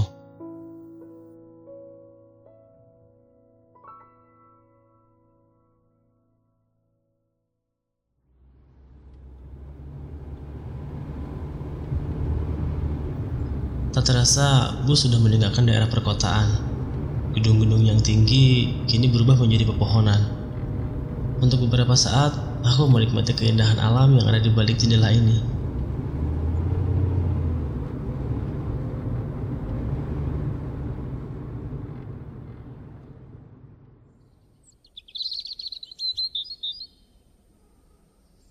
Selang cerita, akhirnya kami sampailah di tempat tujuan. Alam yang asri, suara burung berkicau, serta udara yang begitu sejuk membuat rasa lelah yang kurasakan beberapa jam yang lalu seakan terbayar. Satu persatu siswa keluar dari bis mereka masing-masing. Bel, Bella, bangun deh. Nih kita udah nyampe nih. Aku membangunkan Bella yang tertidur di pundakku saat itu. Perlahan dia membuka mata dan menatapku. Ayo turun, mau sampai kapan kamu tidur? Yang lain udah pada turun tuh.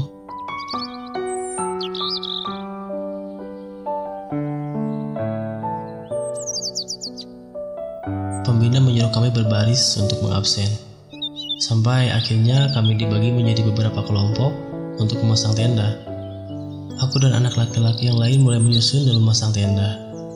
Posisi tenda ini melingkari posisi di mana api unggun besar berada. Dan setelah selesai, kami pun disuruh untuk mengumpulkan ranting-ranting pohon untuk dijadikan api unggun nanti malam.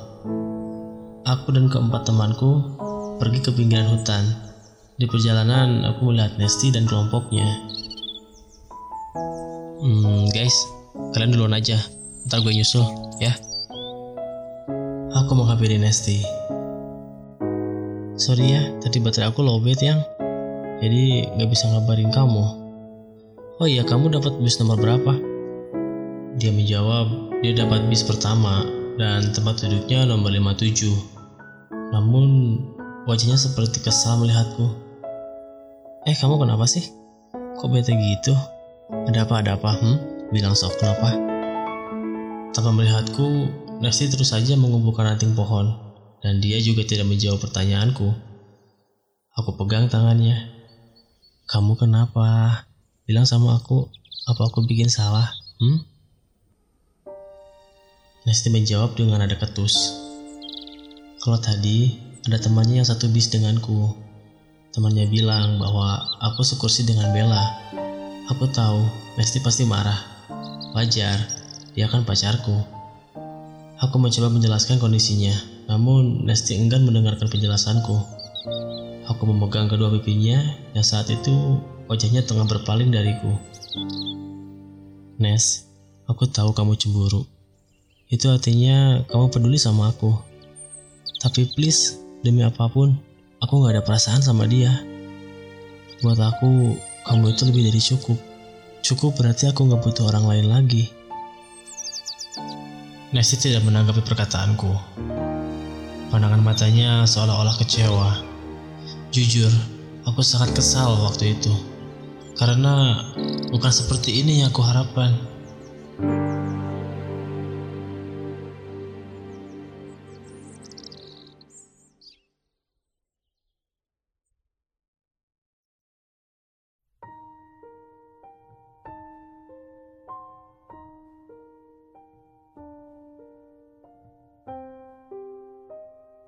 Hari mulai gelap. Setelah selesai mencari kayu bakar, kami semua berkumpul di tempat api unggun. Saat itu, Nesti masih marah padaku. Meskipun aku dan dia duduk berdekatan, dia tak menghiraukan aku dan malah sibuk mengobrol bersama teman-temannya. Aku mencoba untuk berbicara dengannya, namun dia tetap acuh saja. Sampai lama-lama aku kesal Akhirnya aku pergi untuk bergabung bersama teman-temanku yang lain. Saat aku pergi sepintas, aku melihat Nesti memandangiku. Namun karena kesal, ku abaikan saja dia dan lanjut pergi menuju teman-temanku. Dari kejauhan aku melihat Nesti. Dia tengah memperhatikanku. Aku pura-pura saja tak melihatnya.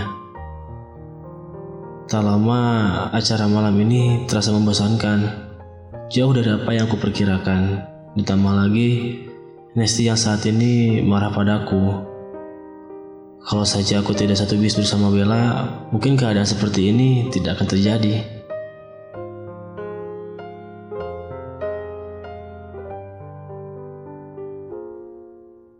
Aku pergi menuju tenda dan merebahkan diri di sana. Untungnya MPT playerku masih bisa dipakai Kulihat baterainya masihlah penuh. Lanjut aku mengeluarkan earphone dan sambil berbaring aku mendengarkan musik.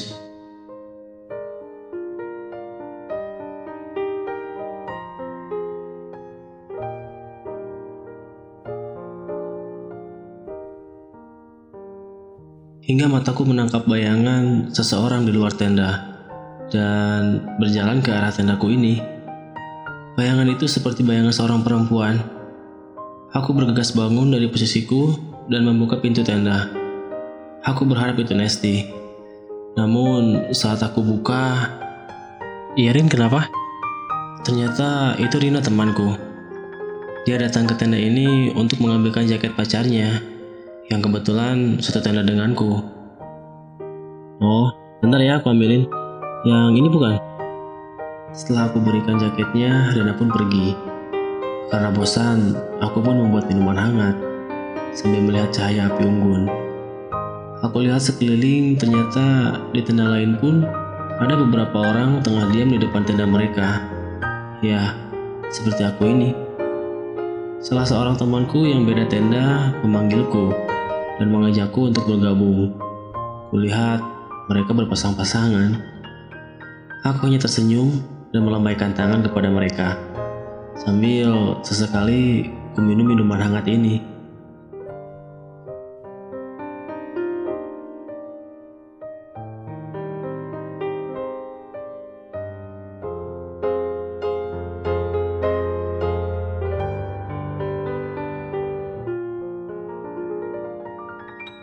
Itu langit cerah. Rembulan pun terlihat jelas. Memikirkan masalahku dan Nesti, aku hanya bisa melamun di sini. Sorak gembira anak-anak yang lain terdengar riang saat mengikuti acara malam ini. Kulihat kiri dan kanan pun beberapa temanku dan pacarnya saling bermesraan menikmati malam ini. Sampai seorang temanku datang dan bertanya, "Kenapa aku sendirian di sini?" Ah enggak, gue pengen sendiri aja di sini. Di depan gaduh banget. Lagi enakan di sini, bisa sambil ngopi. Nih, lu mau? Temanku pun ikut bergabung bersamaku. Aku bertanya, kenapa dia hanya sendirian?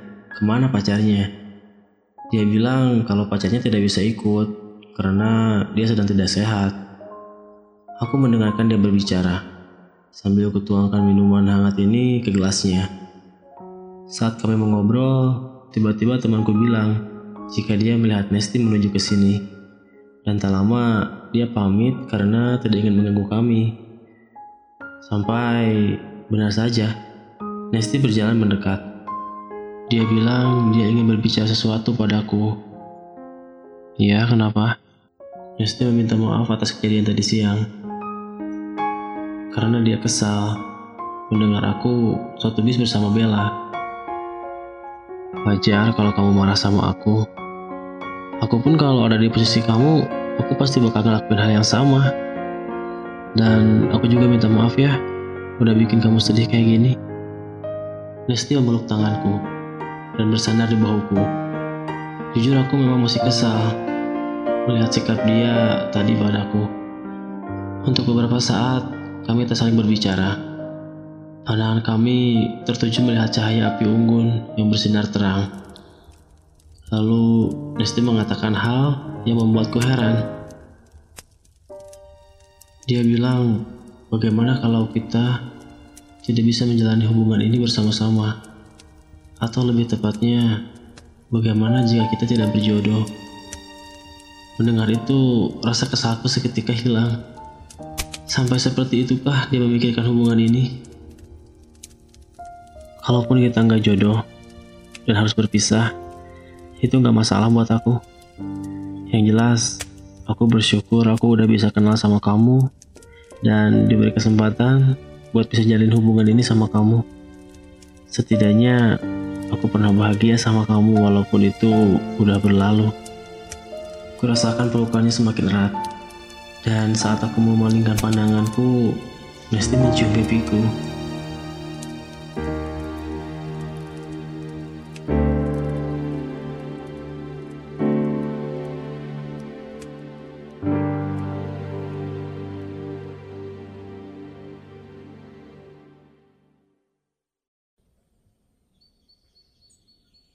Pagi pun tiba, dan kami pun mengikuti kegiatan yang diadakan pembina.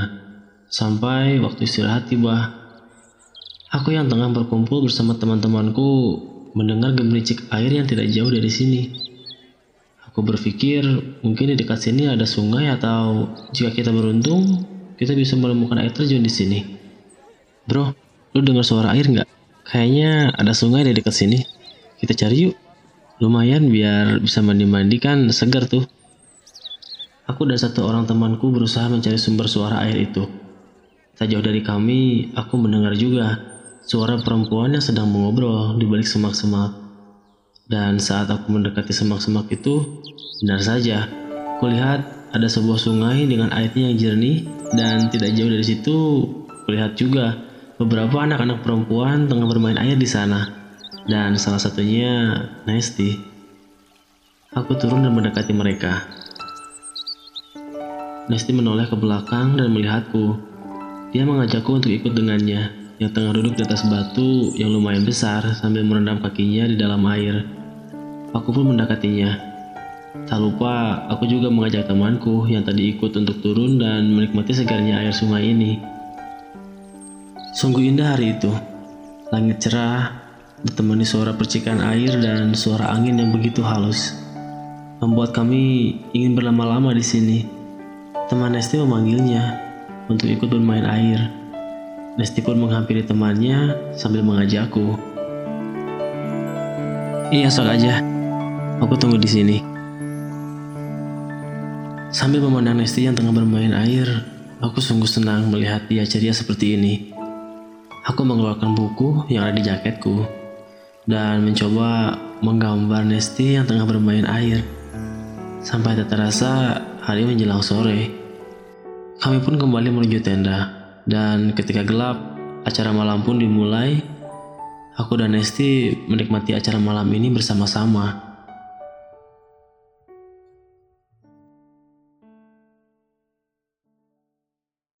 Setelah acara camping itu, kami semua menjalani libur panjang karena pergantian semester.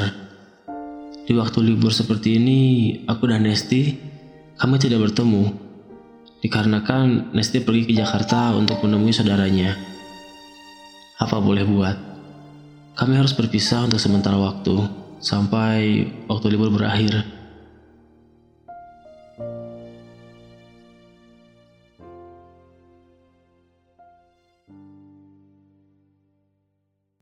Selama liburan, kami hanya bisa berkirim pesan dan sesekali berteleponan untuk menghilangkan rasa rindu. Meski itu tidaklah cukup. Dan tibalah hari di mana kami masuk sekolah. Aku sangat senang karena beberapa minggu ini aku tidak bertemu dengannya. Kuparkirkan motorku dan berjalan menuju kelas. Sambil sesekali aku melihat taman bambu yang biasanya Nesti menungguku di sana. Dan benar saja, dia tengah duduk di sana menungguku. Lalu aku menghampirinya. Hei, main HP mulu. Ada yang rindu nih. Lesti menatapku. Sambil tersenyum, dia bilang, dia juga sama. Makanya dia pergi sekolah pagi-pagi karena tidak sabar ingin bertemu denganku.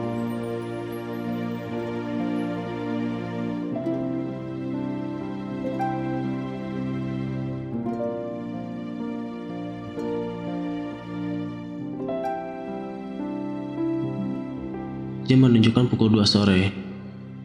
Karena hari ini ada rapat ekskul untuk mempersiapkan pertandingan minggu depan, akhirnya aku mau tak mau harus pulang telat. Saat itu, aku tengah berada di lapangan bersama anak-anak yang lainnya. Kukirimin Nesti pesan untuk pulang duluan. Namun, ternyata Nesti pun sama. Dia juga saat ini ada kegiatan OSIS. Jadi dia bilang dia akan menungguku saja. Setelah semua berkumpul, akhirnya kami pun masuk ke ruangan dan memulai rapat ini.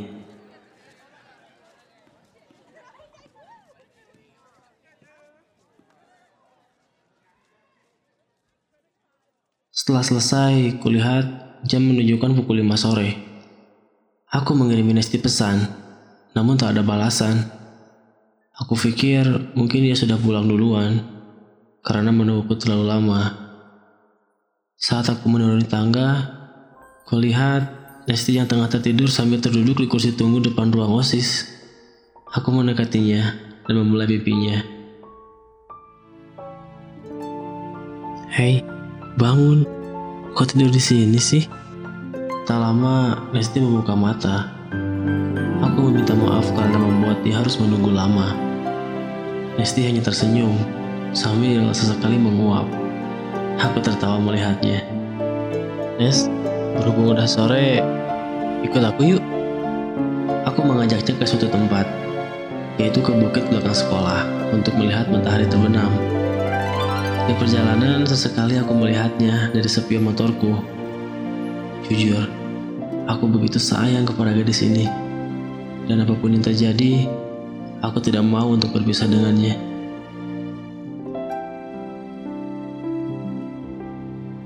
Tutup matanya ya, jangan dulu dibuka.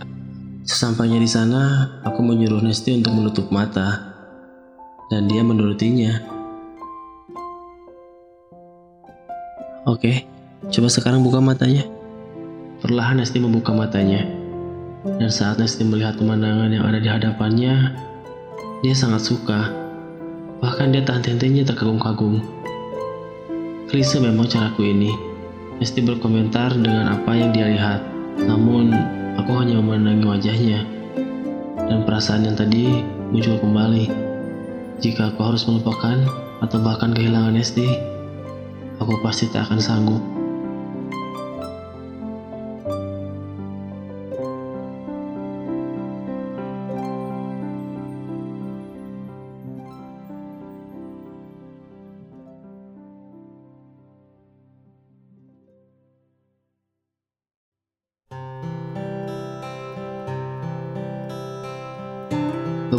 Setelah malam itu, tak terasa semester akhir sudah selesai dan aku akan naik ke kelas 3. Ketika menjelang waktu libur, Nesti untungnya tahun ini dia tidak ke mana-mana. Tidak seperti waktu-waktu kemarin. Jika lo libur, pasti dia ke Jakarta. Kami menghabiskan waktu bersama-sama. Selama beberapa hari setelah kami bertemu, Nesti menelponku malam itu. Kira-kira sekitar jam 7 malam. Nesti mengajakku untuk bertemu. Tapi dari nada bicaranya, sepertinya ini penting. Setelah itu, aku pun berangkat menemuinya. Yang saat itu dia telah ada di tempat yang dia bilang. Sesampainya di sana, aku memarkirkan motorku dan berjalan menuju tempat Nesti. Hingga tak lama, aku melihat Nesti tengah duduk sendirian sambil melamun. Maaf ya sayang, lama. Ada apa sih? Kok ngeledak banget? Nesti tidak menggubris pertanyaanku. Aku duduk dan mengusap kepalanya dengan memasang wajah sedih. Lanjut, dia bilang dia akan pindah.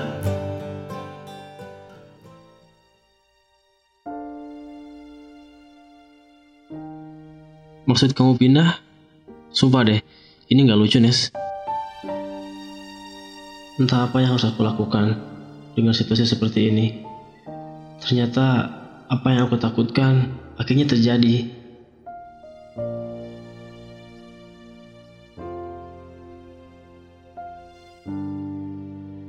Berjam-jam kami di sana. Aku yang tak rela ditinggalkan olehnya, tetap tidak terima dengan keadaan ini. Saking lamanya, tak terasa waktu sudah larut malam. Sambil menangis, Nesti memintaku untuk mengantarkannya pulang. Aku yang lemah tak berdaya, tak mampu lagi untuk berkata-kata. Karena ini, ini keadaan yang tak akan bisa kami tentang lagi.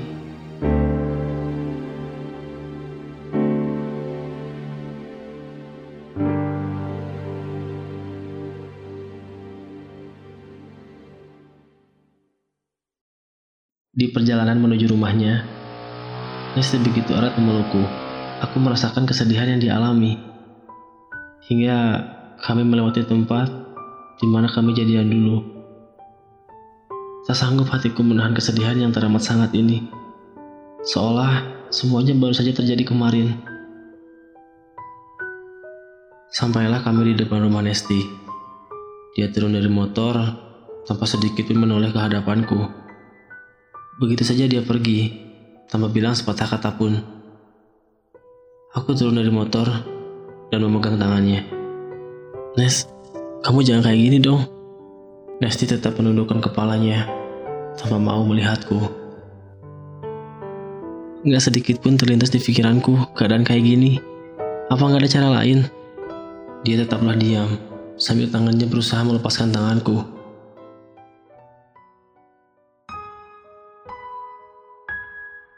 Apa cuma segini aja? Perjuangan kita buat menjuangin hubungan ini. Hah? Jawab, Nes. Karena jujur aja, aku gak akan sanggup kalau harus jalani hubungan jarak jauh sama kamu. Aku butuh kamu, Nes. Saat itu, Nesti tak sedikit pun membalas ucapanku. Dia terus saja berusaha melepaskan tanganku ini, yang sedari tadi memegang tangannya. Dalam hati, aku pun coba menerima keadaan ini. Sangat sulit jika harus dipaksakan. Seperti ucapanku dulu, jikalau kita tidak berjodoh, itu tidaklah mengapa. Karena selama ini, Aku telah berusaha memanfaatkan waktu yang aku punya untuk bersama dia. Hingga waktu berpisah itu tiba. Dan hari itu adalah hari ini. Perlahan, aku melepaskan tanganku dari tangannya. Nesti tertunduk diam saat kulepaskan tangannya. Kamu yang jadi penyemangat aku. Satu-satunya orang yang bisa ngertiin aku. Selama satu tahun ini, kita udah ngejalanin hubungan ini bareng-bareng. Aku gak nyangka, singkat banget ceritanya. Kamu tahu, minggu depan kita satu tahun jadian. Aku cuma mau bilang, happy anniversary yang pertama. Dan mungkin di hari itu kamu udah gak ada di sini.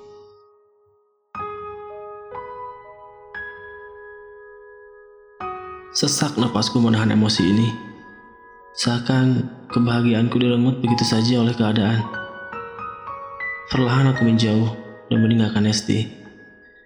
Saat aku berjalan, Nesti mendekapku dari belakang. Aku balikan badanku. Kulihat Nesti menangis. Aku yang tak sanggup menahan kesedihan ini, air mataku pun ikut menetes. Aku mendekapnya dan menangis di pelukannya. Sampai keesokan harinya, Nesti sudah tidak ada di Bandung. Dia pergi bersama keluarganya, pindah ke Jakarta.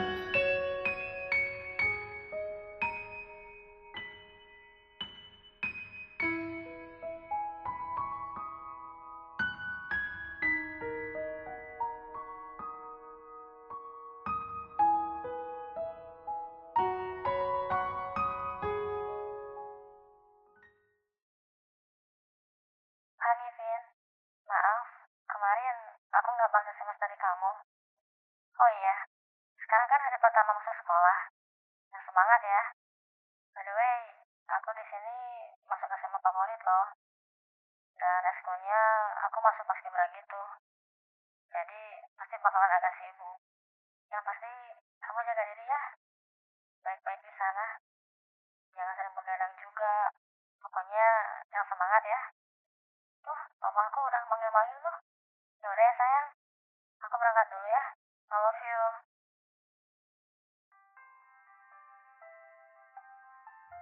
Itulah pesan suara yang aku terima terakhir kalinya setelah dia pergi. Satu bulan setelah Nesti pergi, kami masih sering mengirim pesan, saling menanya kabar, bahkan teleponan pun masih berlanjut. Di bulan kedua, aku dan dia mulai jarang berkomunikasi, hanya sesekali saja. Itu pun hanya menanyakan kabar, dan di bulan-bulan selanjutnya, nomornya sudah tidak aktif. Bahkan aku mencarinya di Facebook, dia sudah tidak aktif juga. Yang terakhir aku lihat statusnya saat dia meninggalkan Bandung. Dan itu satu tahun yang lalu. Kini aku telah lulus dari SMA. Masa-masa di mana aku pernah mempunyai cerita indah dengan seseorang, menjalani dan pernah merasakan dicintai dan mencintai.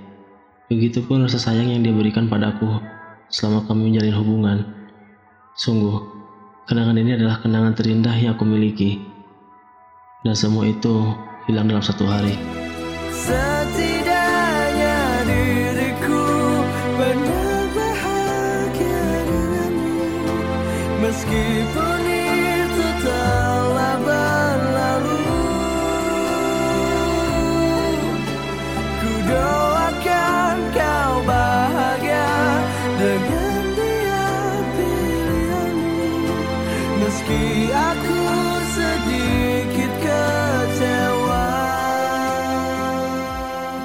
Makasih yang udah dengerin podcast ini dari awal sampai akhir.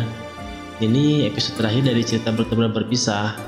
Tapi ini bukan akhir dari segalanya. Nazir bakal bikin podcast lagi yang tidak kalah menarik.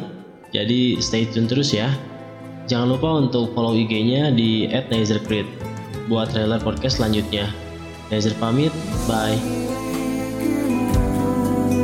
Bukan hasil akhir bagiku pembahasan